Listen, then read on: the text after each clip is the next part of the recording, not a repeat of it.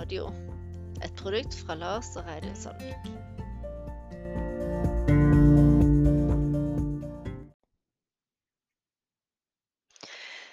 Da ønsker jeg velkommen til episode to av Bryggeriradioen. Og som enhver god podkast så begynner jeg en episode med å gjøre opp for uklarheter eller feil i den forrige episoden. Og i episode én på slutten der så sier jeg noe om at det er mye med én million gjærceller. Og det er det jo ikke. Så jeg beklager den feilen. Og ønsker å komme tilbake igjen med litt mer klargjøring rundt gjær, gjærceller, gjærstarter, kveik i episoden hvor vi har med oss Gardshol, som kan nettopp redegjøre veldig godt for alle de elementene, særlig kveik. Denne episoden, episode to, den skal handle om malting. Og da begynner jo vi selvfølgelig med korn og forståelsen av korn. Og da tenkte jeg kanskje jeg skulle få gitt dere litt informasjon og på sidene til Opplysningskontoret for brød og korn, så, som heter Brød og korn, der de har mye fakta og mye interessant, så leser jeg at hvert eneste år så produseres det 1,1 til 1,3 millioner tonn korn i Norge. Og i kornåret 2019-2020, som vi for så vidt er helt på slutten av nå, så er det brukt 334 000 tonn matkorn. Det betyr at det er en forskjell på over 1 million tonn. Er det det? Nei, fordi at av de 334 000 tonn med matkorn, så er det 45% som var produsert i Norge. Og på den siden så ser jeg altså at det varierer veldig fra år til år hvor mange prosent av kornet som vi bruker til mat, som er produsert i Norge. Og at det forandrer seg i all hovedsak med glutenkvaliteten i kornet, og at den kvaliteten er avhengig av klima. Noe som da selvfølgelig gir at det varierer mye både produksjonen og produksjonen av det vi selv Mengden vi selv produserer, hvor mye vi da kan Det, varierer fra år til år hvor vår kvalitet er. Og dermed hvor mye vi må importere selv. Og hva er det vi spiser? Altså, hva, hvor, hvilke type korn er det vi produserer mye av, og hvor mye? Det varierer litt mindre. For fra år til år så veksler selve kornproduksjonen litt.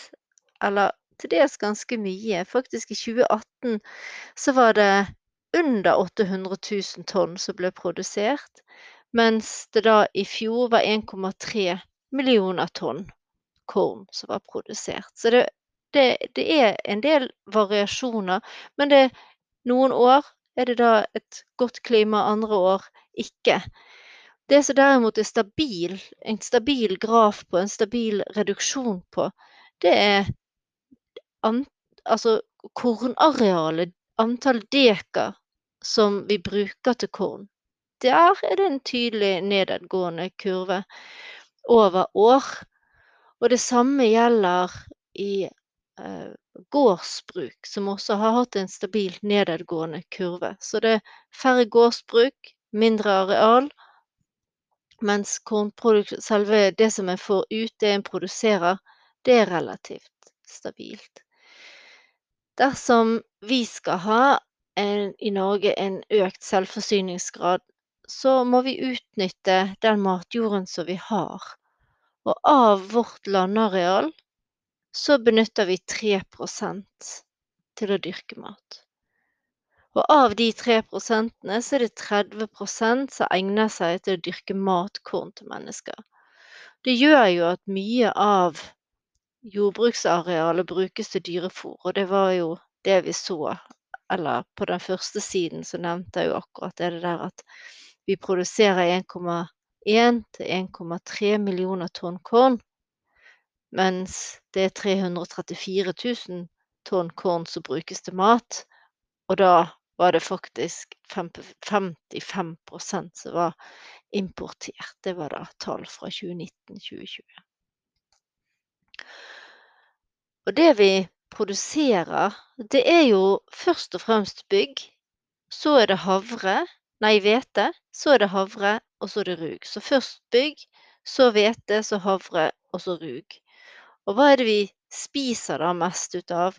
Det er hvete og havre. Så vi produserer mye bygg, men vi spiser lite bygg. Og det gjør at dette her opplysningskontoret vårt for brød og korn, de ønsker virkelig at det veldig bærekraftige bygget, som er bærekraftig både fordi at det er bra for oss mennesker, det er et sunt korn, samtidig som det tåler norsk klima godt, og kan, du kan dyrke bygg Eh, på store areal, og det er effektivt. Du utnytter jorden godt. Men noe annet vi bruker bygg til, og så vi dermed ser at vi har et enormt potensial for å dyrke selv, det er jo nettopp malt. Altså bygg som går til malt. Spennende. Så da er det å ringe til spennende mennesker som vet litt om malting. Mine gjester i dag heter Arne Bøhmer fra Norsk Malt og Mette Thomsen fra Nibio.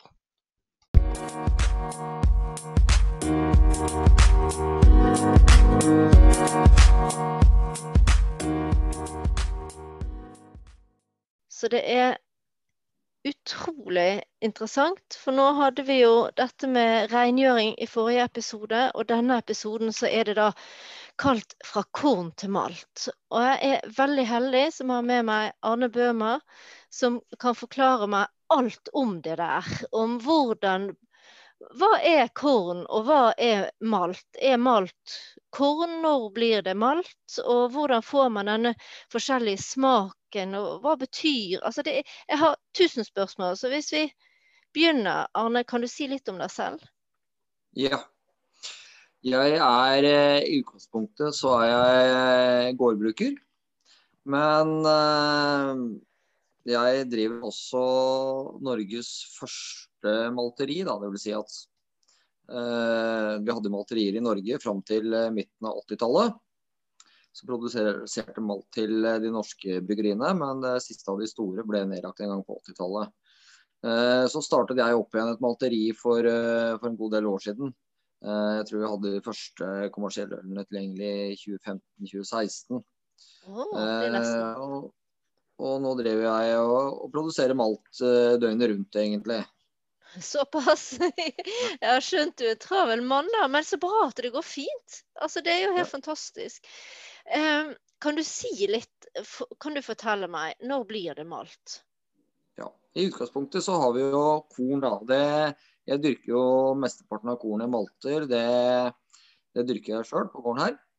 Uh, så i utgangspunktet har du korn, og kornet inneholder stivelse. Og mm. stivelse er jo strengt tatt sukker, det også. Mm -hmm. eh, at det er lengre, sånn lengre molekylkjeder. Da. Eh, mm. sånn at eh, for å lage eh, malt av dette her, da, så må, må molekylkjedene de må brytes ned til kort, kortere kjeder, sånn at eh, det blir løselig i vann, og mm. at det blir tilgjengelig som mat for gjær. Ikke sant. Og, ja, eh, så at man kan lage øl. Mm. Eh, og det, det, den prosessen for å lage malt, da, det er egentlig en en naturlig prosess som vi lar kornet gjennomgå. Det vi gjør, er at vi, vi, vi mimikerer naturen Eh, vi bløtlegger kornet eh, til det får en viss vannprosent. Og så eh, legger vi det ut til spiring. Det som skjer er at Kornet har noen egne enzymer som, eh, som modifiserer stivelsen i, i kornet.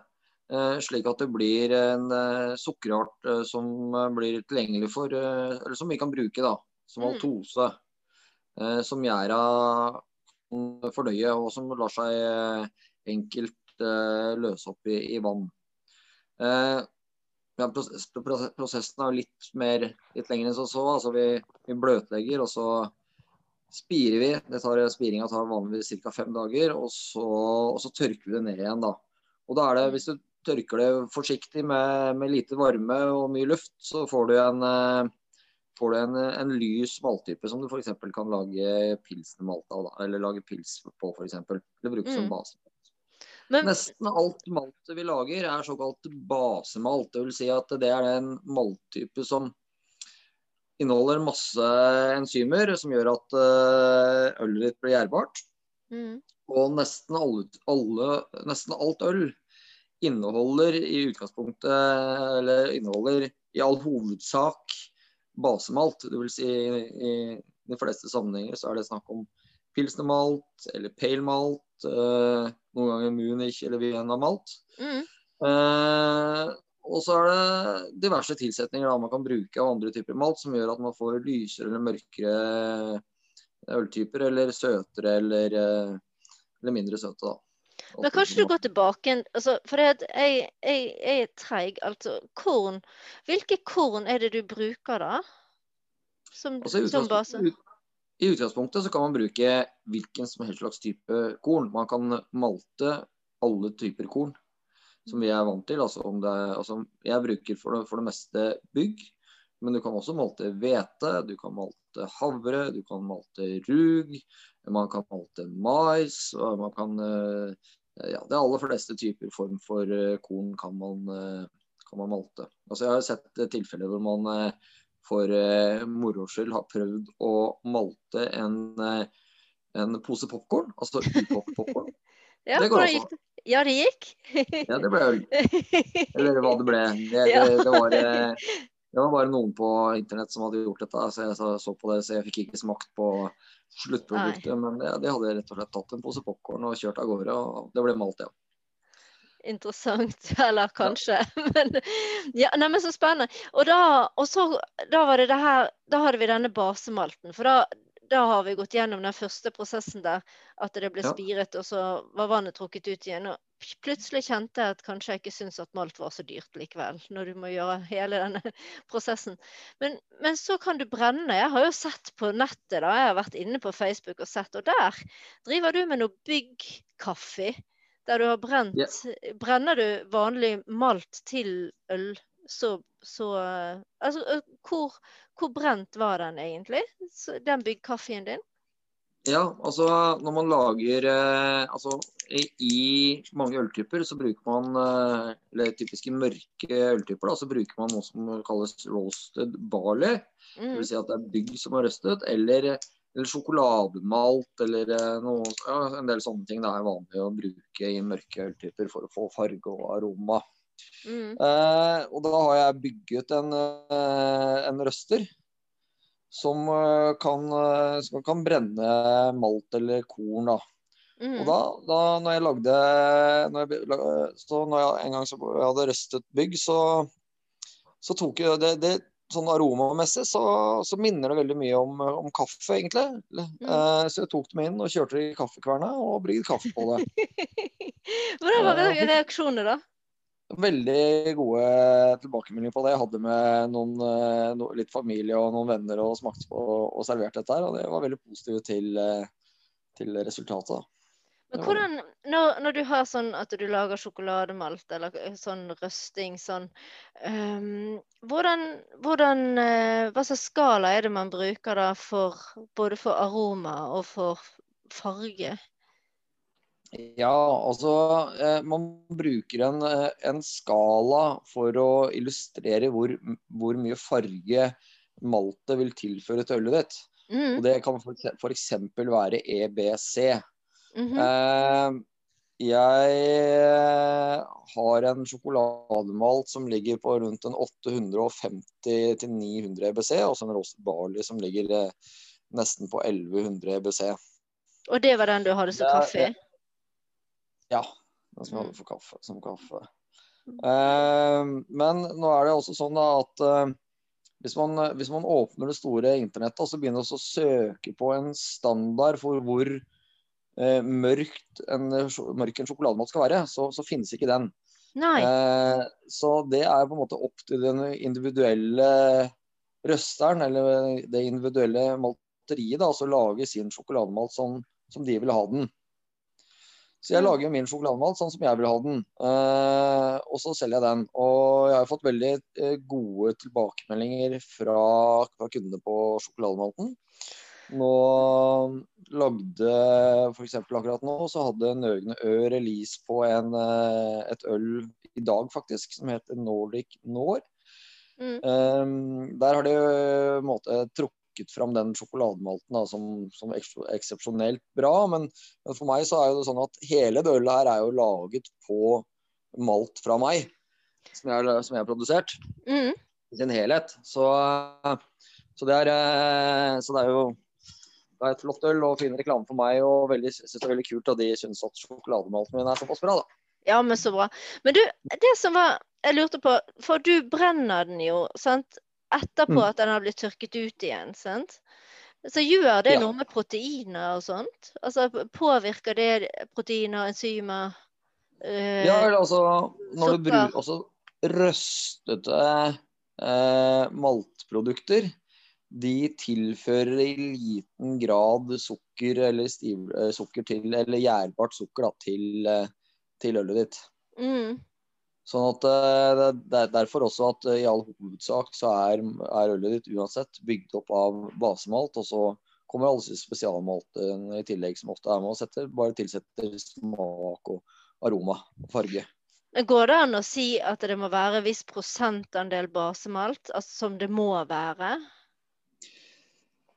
Ja, til en viss grad. Eh, altså eh, Man kan si at hvis du bruker ja, Det vil variere litt med malttypen din og litt sånne ting, da, men jeg vil si at eh, jo mindre basemalt du har, jo mindre gjærbart blir også ølet ditt. da. Ja. Sånn at eh, du kan si Mm. at hvis du, lager, hvis du tenker at du skal lage et øl som har 5% alkohol, og så til vanlig så har du f.eks. kanskje en, et sukkerinnhold eh, på øksleskalaen på 1060, kanskje. Mm. Hvis du da har brukt bare 50% basemalt, og så 50 noe annet, så må du kanskje ha en, eh, en, eh, et sukkerinnhold som er nesten dobbelt så høyt da, for å for å få gjæra det ut til 5% og så vil du ha igjen da nesten like mye søtt ugjæra sukker som det du eh, hadde i det, i det første ølet. Mm. Eller som du hadde totalt i det første ølet. Mm. Ja, jeg skjønner. Men så Ja. jeg kan eh, leke litt med å ha mer ut av disse her spesialmaltene, men da må jeg kanskje tilsette noe mer da, for å få en god utgjæring? Ja, eller altså, det, kan, du kan, det er flere måter å trikse på dette her på. da. Altså, Mm. hvis du bruker fem, et lav andel basemalt, så må Mm. du kanskje bruke lengre mesketid, eh, eller en annen gjærtype, eh, for å få mer utgjæring. Ja, det er mange måter å tvike dette her på. Ja. Ja. Ja, nei, men det er fint. Det, for jeg så nemlig på, for ikke så lenge siden et, eh, det som jeg har mellom oss kalt et jubelinnlegg på Facebook. For der var det voldsomt masse ikoner og greier, og en mm. glede over proteininnhold. Og jeg lurte litt på om det, det er også sånn altså at jeg, hvis jeg bruker malt fra deg med et høyere høyere proteininnhold, om jeg da kan bruke mindre malt. Nei, det kan du ikke. Det Men fortell ikke. om det innlegget, da. Ja, altså, jeg tenker at du refererer til et innlegg som jeg hadde på Instagram her for siden, hvor jeg, hvor jeg snakket litt om eh, hveta som vi dyrket i år. Mm. Eh, nå er det sånn at eh, eh, hvis vi bare spoler litt tilbake, da, så ser vi på f.eks. den, den hvetemelet som brukes i, i, brød rundt omkring i butikken i dag. Eh, det er 75% importert hvete. Mm -hmm. eh, eller mel, da. Eh, og årsaken til det er at eh, mye av norsk hvete er ikke egnet til brødbakning, sier, sier det. Eller at det, at det, er for lite. Og, og, eller at proteininnholdet er for lite.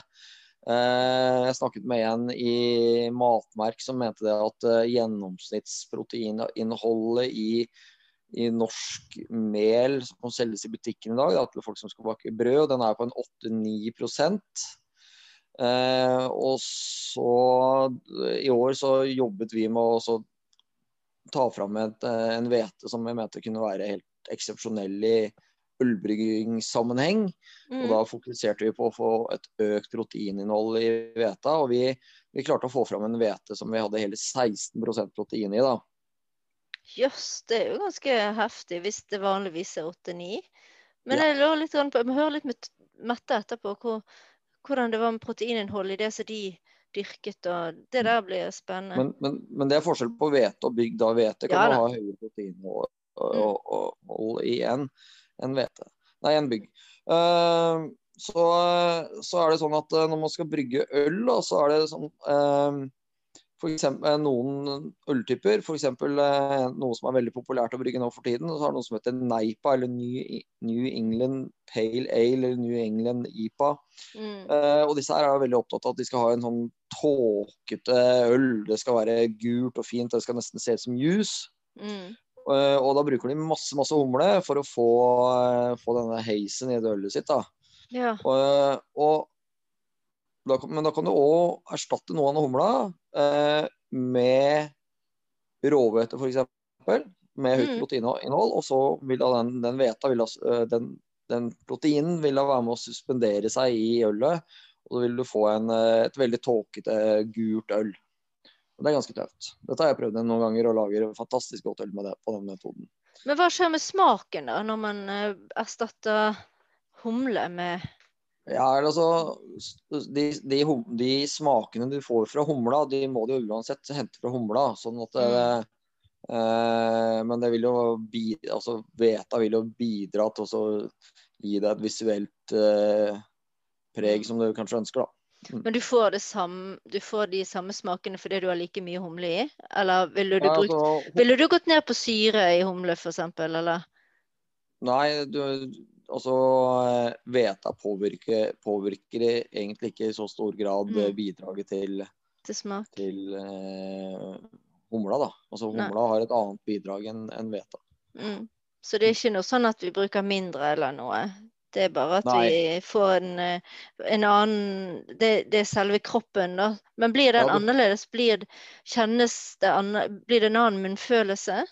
Ja, du får litt tjukkere munnfølelse, og så får du et annet visuelt inntrykk av ølet ditt. Mm. Men du skrev om spontanfermentering. Hva mente du da?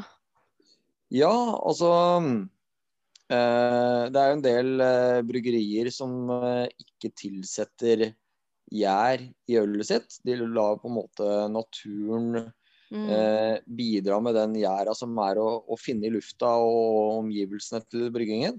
Og så lar de den kulturen eh, eh, bryte ned ølet, sånn som Sånn mye den gjæra vi vanligvis tilsetter gjør. da. Og da får du en form for uh, surøl. Mm. Eh, og for å lage en, uh, en, si, en vørter da, som, uh, som gir et bredt smaksspe, smaksspekter, så prøver vi ofte å lage en såkalt kompleks mash. Dvs. Si at de tilsetter mye rart inn i meskingen sin for å for å få forskjellige sukkerarter og forskjellige eh, stoffer som, eh, som kulturen havner oppi der, da, må bryte ned. Eh, og Da er det fint å ha f.eks. en høyproteins hvete, råhvete, som, som, er med å, å sette kompleksitet til, til vørteren, sånn at, sånn at man får en mer bredde i smaksbildet. Men er det mikroorganismer som kommer med da, som skaper denne spontanfermenteringen, altså gjær? som kommer med, altså Blir det mer ut av det når du har det, det kornet som du har? Det er din hvete? de kommer jo ikke med, gjæra, nei, med hveta, men uh, de mikroorganismene og den gjæra og de andre kulturene som kommer oppi der, de kommer jo fra, fra der uh, vørteren står. Eller, men uh, så, så veta i seg sjøl bidrar jo ikke med noe, kultur som bryter ned stivelsen som er i, i, i miksen. det gjør den ikke. Men, men hva, er ditt, hva er det din hvete bidrar med til den spontanfermenteringen? Hva er ja, Den bidrar, bidrar, jo da med bredde i, i stivelsesforbindelsene i vørteren, ikke sant? Sånn at eh, okay. man må ha flere typer eh, eh organismer eller eh, gjærtyper eller eh, bakterier for å, for å, bryte det ned. OK. Spennende. Mm. Ja, men da er jeg jo kommet litt inn på det der så vi Du begynte litt med Nøgne Ø, og jeg har skjønt at du har jobbet med flere forskjellige andre bryggerier. Så, mm. Men du, hva, det der norsk malt, altså at mm. det skal være norsk. Mm. Hvorfor er det viktig at det er norsk? Ja, altså Det er jo flere grunner til at uh, det skal være norsk. Uh, men uh, vi kan jo se litt først på hva som har skjedd litt sånn historisk sett, da, så, så, sluttet man jo å produsere malt i Norge fordi man mente at det norske bygget det, det, var sannsynligvis ikke bra nok. Og så begynte de å importere bygg. De siste årene som Ringnes hadde maltproduksjon i Oslo, så importerte de bygg faktisk for å, å lage malt. Og så, så, var det lenge sagt det at norsk bygg det var for dårlig til å lage malt av. Og at vi hadde feil jord, feil klima, og, og, så vi fikk ikke det riktige bygget. Eh, og man kan jo se litt på eh, også, eh, Men så endret jo ølkulturen seg. Man, man gikk fra å produsere bare pils til å produsere flere øltyper som, var, hvor de var mer opptatt av kompleksiteten i, i smakene. Eh, og så, hvis man ser på, jo, hvis man ser på årsaken til at man mente at norsk bygg ikke var bra nok, det var jo fordi at hvis du, der du kan tenke deg selv, at hvis du, hvis du heter f.eks. Carlsberg eller Heineken, og så produserer du hundretusenvis av liter hver eneste dag, så hvis eh, det maltet du bruker har en halv prosent eller en kvart prosent mindre sukker mm. per kilo ja, malt enn uh, enn det konkurrenten din sitt, sitt, har, så, så, taper du. For dette er et uh, rotterace. Så de, store bryggeriene var veldig opptatt av at uh, høyest mulig sukkerutbytte, likt over lang tid, Uh, for da fikk de best mulig marginer. Og hvis man ser på hva det koster å produsere en, en, eh, en liter øl ved et eh, kjempesvært bryggeri nede i Europa, så, så er det mikroskopiske kostnader. Men så, så jo, dukket jo sånne bryggerier som f.eks. Nøgnø, som var nevnt opp her. Da, og de lagde jo andre typer øl. Og de brygget jo heller ikke så stor skala, de brygget jo ikke flere hundre tusen liter eh, i døgnet. Uh, og da, er det også, da var det, da var det lurte de på da, om Når jeg snakket med dem, lurte de på om hvor, hvor, mye sukker de, dette her egentlig inneholdt. og så sier jeg at ja, det er omtrent det samme som alt annet malt. Ikke, forskjellen er, er, veldig liten. så dere skal jo for så vidt være ganske gode. Skal dere klare å måle det? Eh, ja, ja, så da var de interessert, og så prøvde de å, å brygge på det. Eh, og den der myten med at norsk bygg er for dårlig til å, å lage malt på, den er, den, den er, nå motbevist. Altså Vi lager malt som har omtrent det samme utbytte som, og no, i mange tilfeller bedre utbytte enn noe av det europeiske Malte. Og så I tillegg til det så har vi også så er, så er bygg også, det er litt sånn som, sånn som druer. da Altså Hvis du spør en vinprodusent om, om, det er viktig for han hvor druene kommer fra, hvordan klima de er, er, dyrket under, og hvordan sommeren har vært, og sånne ting, så kommer de til å si at dette er kjempeviktig. Mm, eh, men hvis du spør en Ja, men, men, men, sånn er det jo egentlig med bygg også. Mm. Eh, så når du måtte dyrke bygg i Norge, så får du et litt annet bygg enn det du får nede i Europa. Eh, og da får du også en annen, litt annen smak. Men er det test... Altså, vet du noe f.eks. det med mineraler? Ja. Vet du noe om det? Altså innholdet, er det sånn at jeg kan få liksom en full sånn næringsmiddeltabell fra, av kornet ditt? Ja, eller altså Det kan du, det kan vi sikkert få tak i. Jeg har ikke, jeg har ikke gjort noen altså Jeg gjør bare de vanlige analysene av eh, Mm. malte som bryggerne etterspør, kan du si. da. Jeg har jo ikke tatt sånn næringsmiddel Eller sett, hvor, eh, sett på det sånn sett, da. Nei, for vi lærte i forrige episode litt om hvor viktig det var med sink, f.eks. Så, ja, ja, Mm. nei, så jeg bare lurte. Men du, eh, veldig interessant. Vi har jo med oss en, en erfaren forsker også, Mette Thomsen fra NIBIO. Mm. Eh, og jeg tenkte, Mette, er du, er du her hos oss? Mette? Ja, hei, hei. Nei, så bra. ja, for du, vet du hva, vi satt jo og snakket om det med at det er viktig med det norske, at det er dyrket i Norge. Uh, det får konsekvenser sant, for innhold og i det hele tatt. Og det er, jo også det at det er da absolutt kortreist fremfor å importere, så det er jo også et sånt argument. Men det, det er noe du har vært opptatt av òg, ikke det? At vi skal kunne produsere det selv? Jo, det, det har det vært stor interesse for, og det er det vel fortsatt, at det skal være mulig, øh, som Arne òg var inne på, å dyrke bygg til øl i Norge. Mm. Um, og, et- og så samtidig så var det vel også snakk om det her med at prisen er presset, og store bryggerier må få mest mulig ut av det kvantum de handler inn.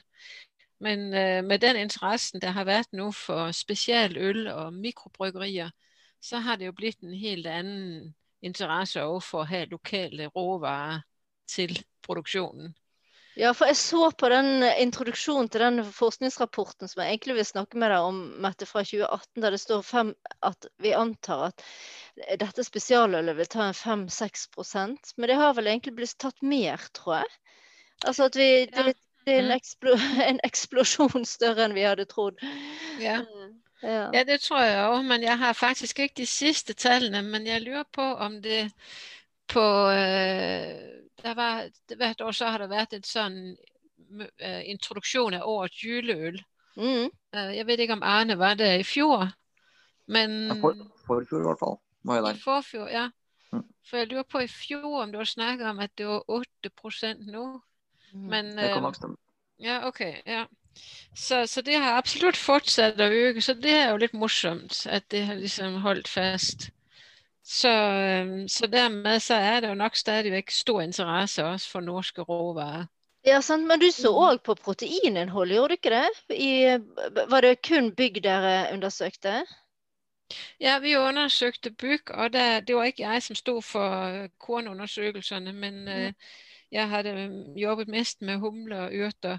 Men uh, jeg har jo jobbet noe med meltning av ulike øh, byggkvaliteter i andre prosjekter òg. Så, så det vi ser sånn all over, det, det er egentlig at det der vi har testet ut, der har proteinprosenten ligget en plass mellom 9 og 12% Ja, sant. og det gjelder, det gjelder mange øh, byggsorter, for vi har testet ut både øh, utenlandske, som egentlig er der øh, frem, frem øh, avlet for malting, og så har vi testet ut gamle norske og vanlige norske byggsorter, både seksradsbygg og toradsbygg, og sett på de.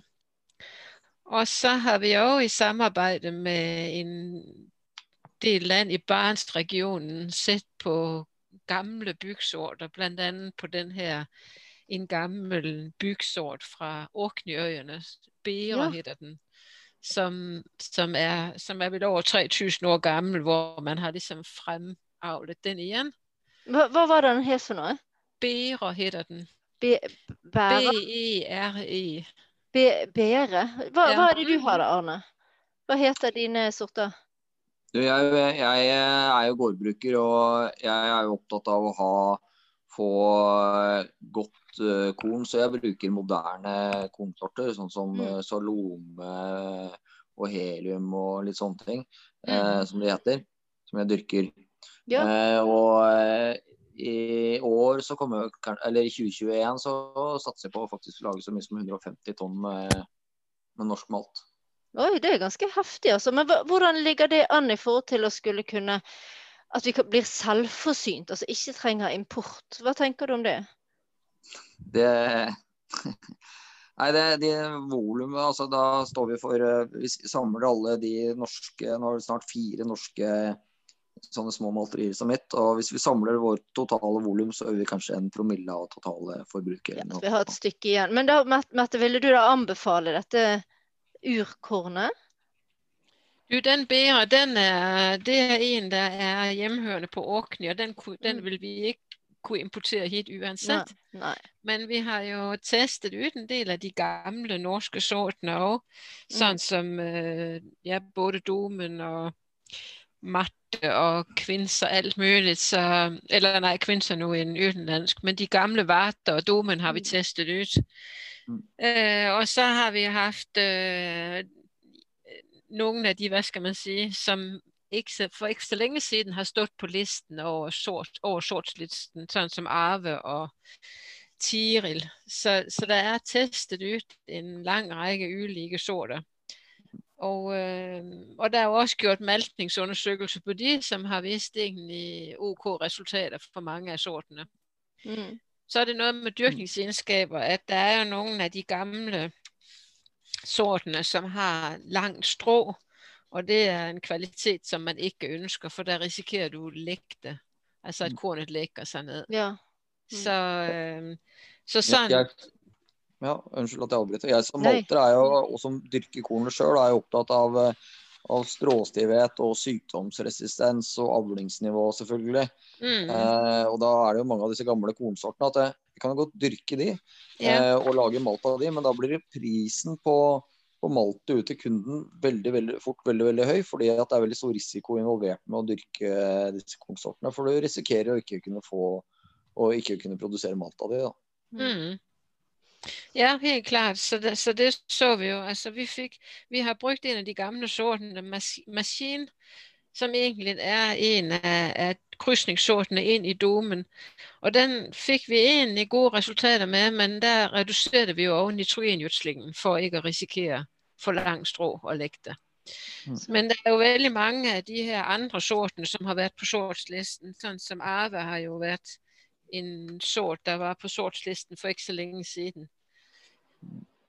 Uh, og Salome vet jeg, jo det er en sort der blir brukt mye. Den blir bl.a. brukt i Østfold òg, hvor Borch bryggeri jo er uh, sterkt inne for å dyrke sitt eget uh, maltbygg. Mm. Ja. Så de har jo en, en flere av deres ølsorter hvor de har eget malt i. Mm. Mm. Fantastisk. Og det er jo da et, et, bryggeri som står for Det er litt mer sånn, hva skal vi si, eh, stabiliteten. Så altså vi forventer det samme ølet flere år på rad. Sånn. Så det er litt sånn dette her som med Carlsberg og sånn. For disse små mikrobryggeriene, det, derfor aksepterer vi vel større At de gjør litt endringer og sånn underveis. Så de kan jo de kan jo komme med noe nytt uten at vi syns det er noe annet enn bare fint. Men uh, kjøper jeg en Hansa, så vil jeg at den skal være det samme som i fjor. Men um, veldig, veldig interessant. Eh, det jeg hadde veldig lyst til, det var egentlig at du gikk litt gjennom de prosjektene du har, Mette. Men jeg vet, du fikk egentlig ikke, aldri, fikk egentlig ikke presentert deg ordentlig, så kan ikke du bare si litt hvem du er? Ja, Nei, jeg heter Mette Thomsen og jobber på uh, Nibio.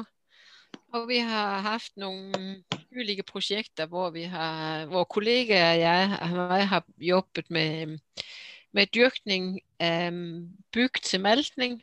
Og, øh, og, jeg har jobbet en del med dyrkning av humle og ulike urter man kan bruke i brygning. Mm. Mm. Så har vi jobbet uh, en god del med dyrkningsmulighetene her i Norge, og vi har også hatt samarbeid med spesielt med en rekke nordiske partnere for å se på mulighetene rundt i hele regionen. og litt, dra litt lærdom av hverandre. Så øh, i og med, at det er sånn som for øh, byg til melting, så har det jo ikke vært noen egentlig sortsutvikling i, på det i mange, mange år, fordi man sluttet med rett og slett å dyrke maltbyg i Norge. Mm. Så utgangspunktet har jo da vært at man har taget nogle, både noen av de gamle sortene, som man visste der har vært brukt til melkning, og så har man tatt noen av de tilgjengelige sortene fra den norske, den norske sortslisten og testet ut. Og sånn generelt, så har det jo kommet ganske gode resultater på det. Um, og det er, ja. Så, du, det, ja, for jeg lurte litt, liksom, hvis jeg bare tar det helt sånn fra for jeg, jeg, må bare stille noen veldig sånn naive spørsmål, så bare at jeg øh, klarer å henge med. For jeg tenker sånn egentlig Det er mye arbeid da, både fra produsent, sant, norsk malt, og fra dere som forsker på at vi skal ha norsk malt. Altså vi skal ha korn, det er det ene, men at vi òg skal få til en norsk malt. Og så tenker jeg, er egentlig det vi vinner med å bruke så mye ressurser, er det godt nok? Altså er det så, er det så viktig? Og hvorfor er det så viktig med det norske, hvis vi kanskje egentlig ikke har det beste klimaet og ikke engang klarer å få en promille av det totale forbruk? Altså, er det smaken, er det proteinet? Hvorfor må vi egentlig gjøre alt dette her? Synes ja, jeg vet ikke om Arne kanskje er mer til å svare på det enn jeg, for han er liksom sluttbrukeren av det norske produktet eventuelt. Ja. ja, men dere hadde en grunn for at dere ville gjøre et, sånt, et forskningsprosjekt, så jeg tenkte jeg ville høre det litt fra din mm. Ja, nei, det er jo, altså for oss er det jo alltid interessant å se på mulighetene. Mm. Uh, og vi er jo nysgerrige på, det her er jo en helt annen prosess, altså å, å, å mm. produsere en bygd til malt eller humle til norsk øl. Det er jo mm. en helt, nytt, helt nyt, og det, eller i alle fall nyt på mange år. Så vi har jo vært veldig nysgerrige på å undersøke det. Uh, mm. Og så er det jo et marked, så så lenge det er et marked for et produkt, så vil interessen jo være til stede for å produsere det. Mm. Så vet jeg at når jeg har vært på Borg Bryggeri, som der i stor grad får produsert deres eget malt, så er de egentlig, synes de egentlig at kvaliteten er mer stabil på den malt de selv får produsert av norsk, deres korn fra Østfold, enn på den malten de importerer. Ja, sånn at det går på mm. Kvalitet og, og stabilitet. Da. For Jeg lurte litt på om det er litt som om dere er på jakt etter det norske urølet. At det er det som er forskernes ønske, helst å finne liksom de gamle urkornet og, og de, det, det, norske ølet, og at egentlig det, eh, det sluttbrukeren er interessert i, altså bryggeren er interessert i, er mindre interessant for dere. Men det er begge deler, da? Uh, ja, altså fordi jeg liksom sitter og tenker at det norske ølet det har jo vært igjennom en lang prosess òg. Mm. Så det øl vi sender i dag, det er jo nok ikke det man liksom kan kalle det kanskje det norske urølet.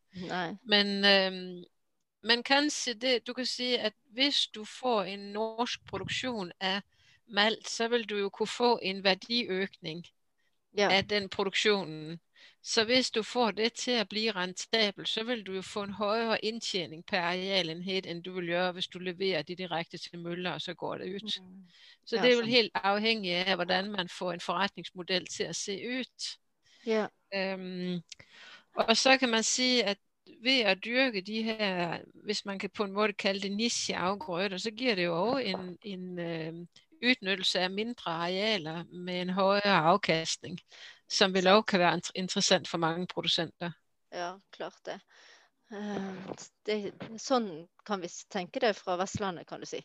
Men du, eh, jeg, jeg tenkte også det når jeg leste den fra altså norsk øl, norsk malt og øl, den uh, rapporten fra 2018, så tenkte jeg dette virker jo mer som et sånt oppdragsforskning. Altså vi, vi, er noen bryggerier, og vi har lyst å Sånn som du sa akkurat nå, med få en annen forretningsmodell. Uh, prøve å få uh, Kunne dyrke så mye av eh, maltet vårt sjøl, altså kornet vårt, skal, og malte det selv for å få færrest mulig mellomlegg. Og ha med mest mulig kontroll over denne prosessen. Så, men hvorfor var det sånn Hvordan kom det i stand? Hva var bakgrunnen for det prosjektet?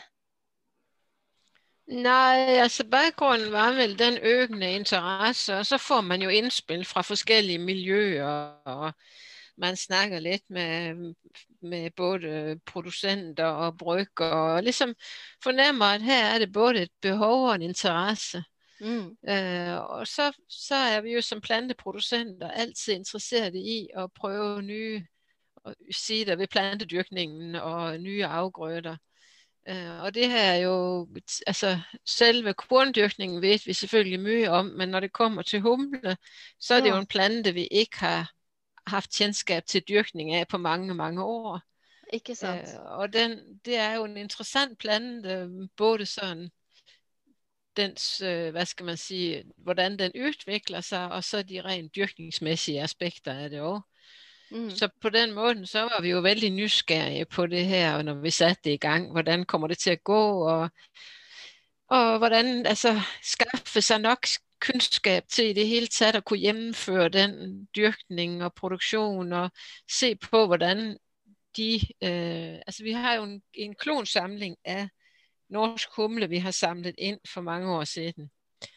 Og der var vi jo også spent på å se hvordan fungerer de der i en produksjon Øh, og hvordan, hvilken avlingsnivå og hvilke innholdsstoffer, og hvordan kan de fungere i en bryggeprosess osv. osv. Ja, det er jo fantastisk. Det var veldig spennende. Og så var det òg For da er vi jo inne litt på målet for prosjektet, så det var med humlen. Men du har jo andre urter òg som du har prøvd ut?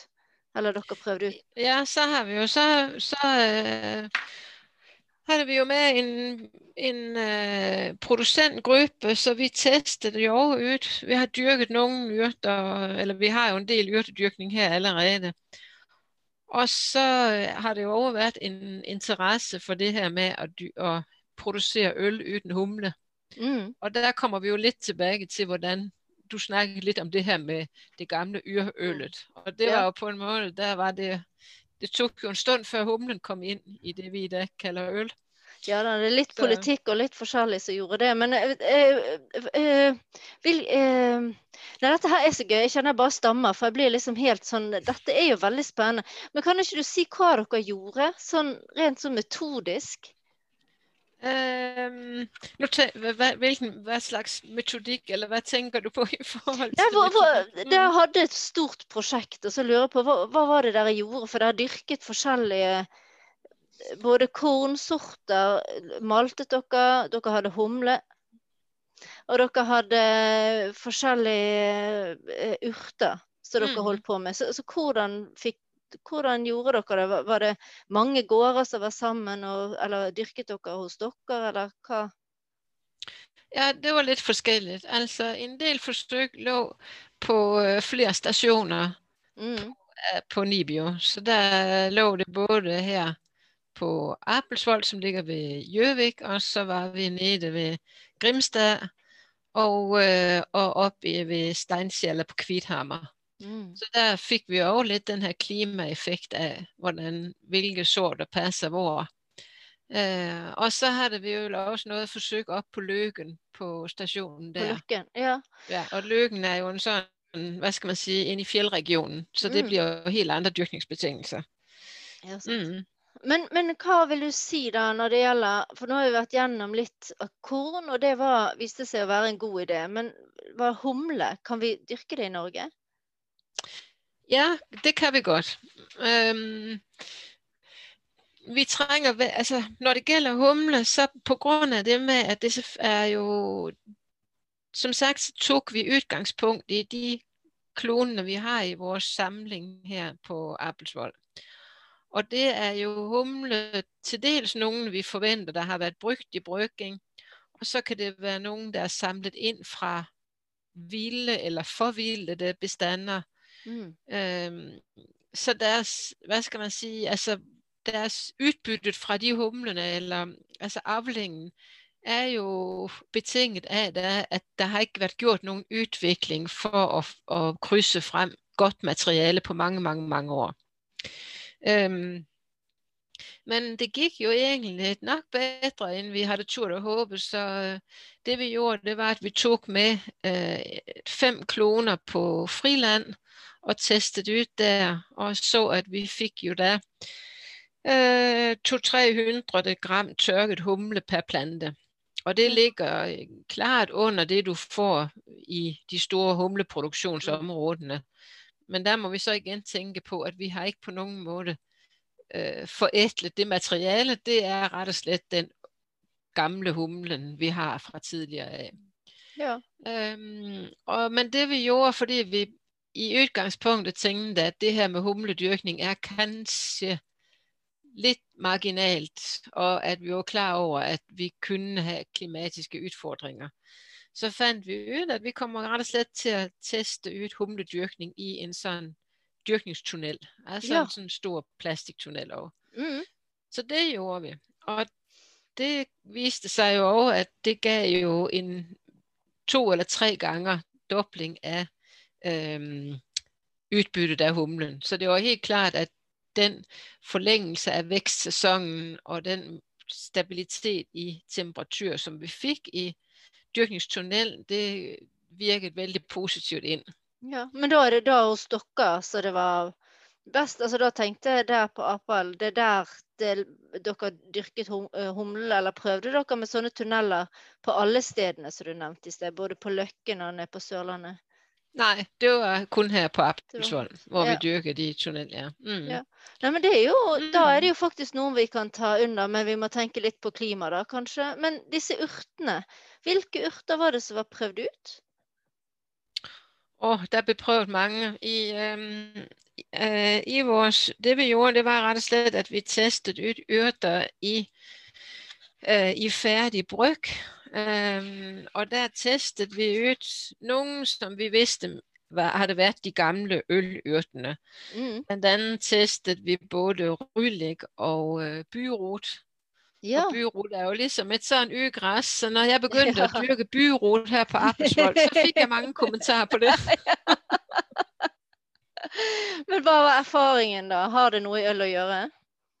Å ja, byrot var en, var en kjent ølurt før humle. Både byrot og rødlik og røslyng vet man at det ble brukt eh, før man begynte å bruke humle. Og Røsling og byrot er svært aromatisk, så den, den hadde veldig god effekt i øl. Mm. Men når, når putter du det i? Er det sånn som med humle, at det er sånn etter at du har begynt å koke, eller kanskje på slutten av koketiden? Når, når putter du burot i? Altså de, når vi testet urtene, så, så, så uh, tok vi det i akkurat som om vi skulle ha tatt i aromahumle. Ja. Så det var til slutt, så det vi gjorde, det var å koke opp vørt, og så tilsatte vi urten, og så lot vi den stå og trekke i ti minutter. Mm. Mm. Men vi, er, det, mm. er, det, er det sånn at du kan på en måte si noe om syreinnhold i, i humle, og hvor mye ri- ri- rillik du da ville hatt i? Altså, er det en skala for bitterhet, f.eks.? Som en Nei, altså ikke det jeg vet om. Altså det, det, de som er flinke bryggere, de vil jo nok kunne si mye ut fra en sånn at de har en, en det vi kaller en te. Altså Mm. at du på en måte tester humlen eller urtene i en te, og så på bakgrunn av smak vil de jo nok kunne fornemme seg frem til hvordan det vil virke i ølet. Mm. Men, øh, men når vi satte, tilsatte urtene, så har vi kun testet dem ut som aromastoffer. Vi har ikke testet ut bitterheten. Altså, fordi bitterhumlen, den koker du jo med Mm. en stund, mens at aroma af humlen tilsetter du til slutt eller under gjæringen. Ja. Uh, så vi har kun testet ut som aromastoff. Og hva får jeg hvis jeg, hvis jeg tar i burot? Hva, hva smaker får jeg da? Ja, altså vi, vi har gjort den sånn, det er klart at, at det her var et helt uutdannet panel, men, men en del brygger, og der så vi jo at byrot bl.a. kommer ut med, med både øh, sødme og fruktighet Ja, i ølen. Mm. Så Så jeg tror, men det er det flere av de andre også, der har. Men byrot er veldig aromatisk, så man, øh, så at jeg forestiller meg at den vil ha en plass i ølbrygning, det, er, det tror jeg absolutt. Ja, men Og noe ryllik annet vi òg, da? Mm. Men Ja, Rylik, den er, veldig, den er populær blandt bryggere, faktisk. Der ser jeg, der er en del øl på markedet, som, har, som brygger Rylik. Ja. Så mm. Det som er viktig, det følger jo noe med å finne ut hvilke plantedeler og hvornår man høster osv. Så, videre, og så, videre. så det er mye det, det er mye vi ikke har gjort ennå. Ja, så du har masse å gjøre ennå, men da kan vi jo invitere Ja. deg til seinere. det er jo også noe som vi som hjemmebryggere burde hive oss litt over, da, tenker jeg. Mm. Vi er likevel opptatt av uh, fruktmoser og jeg vet ikke hva. Men du, er det sånn at jeg kan tenke at jeg kan putte så mye forskjellige urter oppi øl at det blir veldig sunt? At det blir sånn multivitamindrikk? Uh, jeg tenker, øh, uten at jeg sånn vet så mye om det, så tenker jeg at det, man kan jo få noen stoffer ut Altså mange av de stoffene man får ut, det er jo kanskje bitterstoffene. Mm. Og de har jo en god effekt på magetarm og fordøyelse og sånn. Så i Ja. utgangspunktet så vil det jo være aktuelt. Men jeg skal ikke kunne uttale meg om helseeffektene, fordi altså, hvis man drikker øl, så drikker man jo en del alkohol, og der kan, Ja, så jeg aner liksom ikke hvor balansepunktet går der. Det, kan, det har en veldig positiv effekt på humøret til ærtsil, så Ja, altså.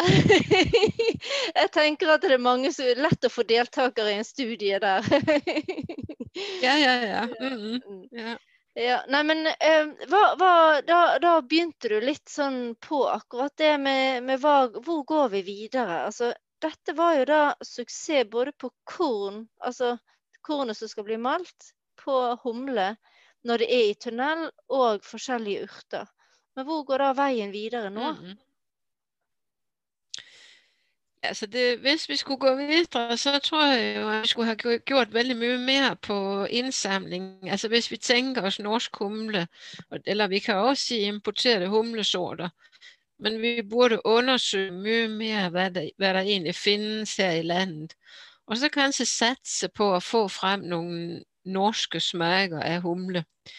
Ehm, så har vi sett det vi jobber med, eller der jobbes jo annet i Østfold med å, å dyrke Østfold humle, og der har det jo vært en sånn prosess på gang hvor man har, har sa- innsamlet humle i Østfold og valgt ut ehm, en av de humleklo, eller humlesortene i Østfold som man satser på videre.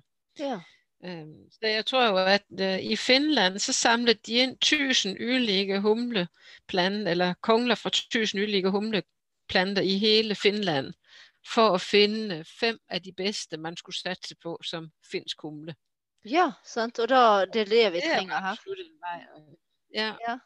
Men er det noen Mm. flere urter du kunne tenkt deg å prøvd ut, eller planter? Jo, urtene kunne vi jobbe mye mer med, fordi det er det også mange andre Uh, altså, der er mange andre aktive stoffer, for det kan også være både Så kunne vi ha testet selvfølgelig mye mer de her smaksegenskaperne. Mm. Og som du også var inne på, kan vi tilføre dem som bitterstoffer, eller skal vi holde altså, hvem er, Hvilke er urter bruker vi som bitterurter, og hvilke som aromaurtene? Mm. Og et annet aspekt, vi så litt sånn, hva skal man si, uoffisielle resultater på, det var jo hvordan de påvirker både holdbarheten, altså smaksholdbarheten i brygget, og, øh, og bl.a. også gjæringsprosessen. Fordi du har jo veldig mange urtene med antimikrobielle stoffer, og der så bryggerne det at når de brukte øh, aspergmunde eller oregano, så ble det en veldig sakte gjæringsprosess Ja, på grunn grunn av den antimikrobielle effekt. øh, Så, som Og så testet vi blandt annet også ut rosenrot. ja. Og der var det noen av bryggene følte at ved å ha rosenrot i ølet, så holdt smaken seg lengre. At ølet holdt seg friskt lengre. Så det er så mange øh, hva skal man si, funksjoner som urtene kunne bidra med inn i ølet. Spennende. Så det, vi kan eh, forbedre holdbarheten og kanskje til og med få Ja, eh, som om det var en vitaminpille, og istedenfor at det blir eh, uheldige stoffer som ikke er bra for oss. Det var jo en veldig god avslutning da, på en fredag, og en, vel en oppfordring til å kose seg med øl i. Er det noen av disse eh, eh, produsentene som dere fortsetter å jobbe med nå? Øhm, det vi har mest, det har egentlig vært øh, i øh, humleprodusentene i Østfold, og vi har hatt en del mm, samarbeid der i den forbindelse med Borg bryggeri. Ja. Så det fortsetter. Men så flott, da. Det har vært veldig spennende. Mm. Men vi satser gjerne videre på flere prosjekter, så det ligger absolutt i bakhodet at det bør vi komme videre med. Fantastisk. Ja, men det er veldig spennende. Tusen takk skal du ha. Ha det godt. Vær så god.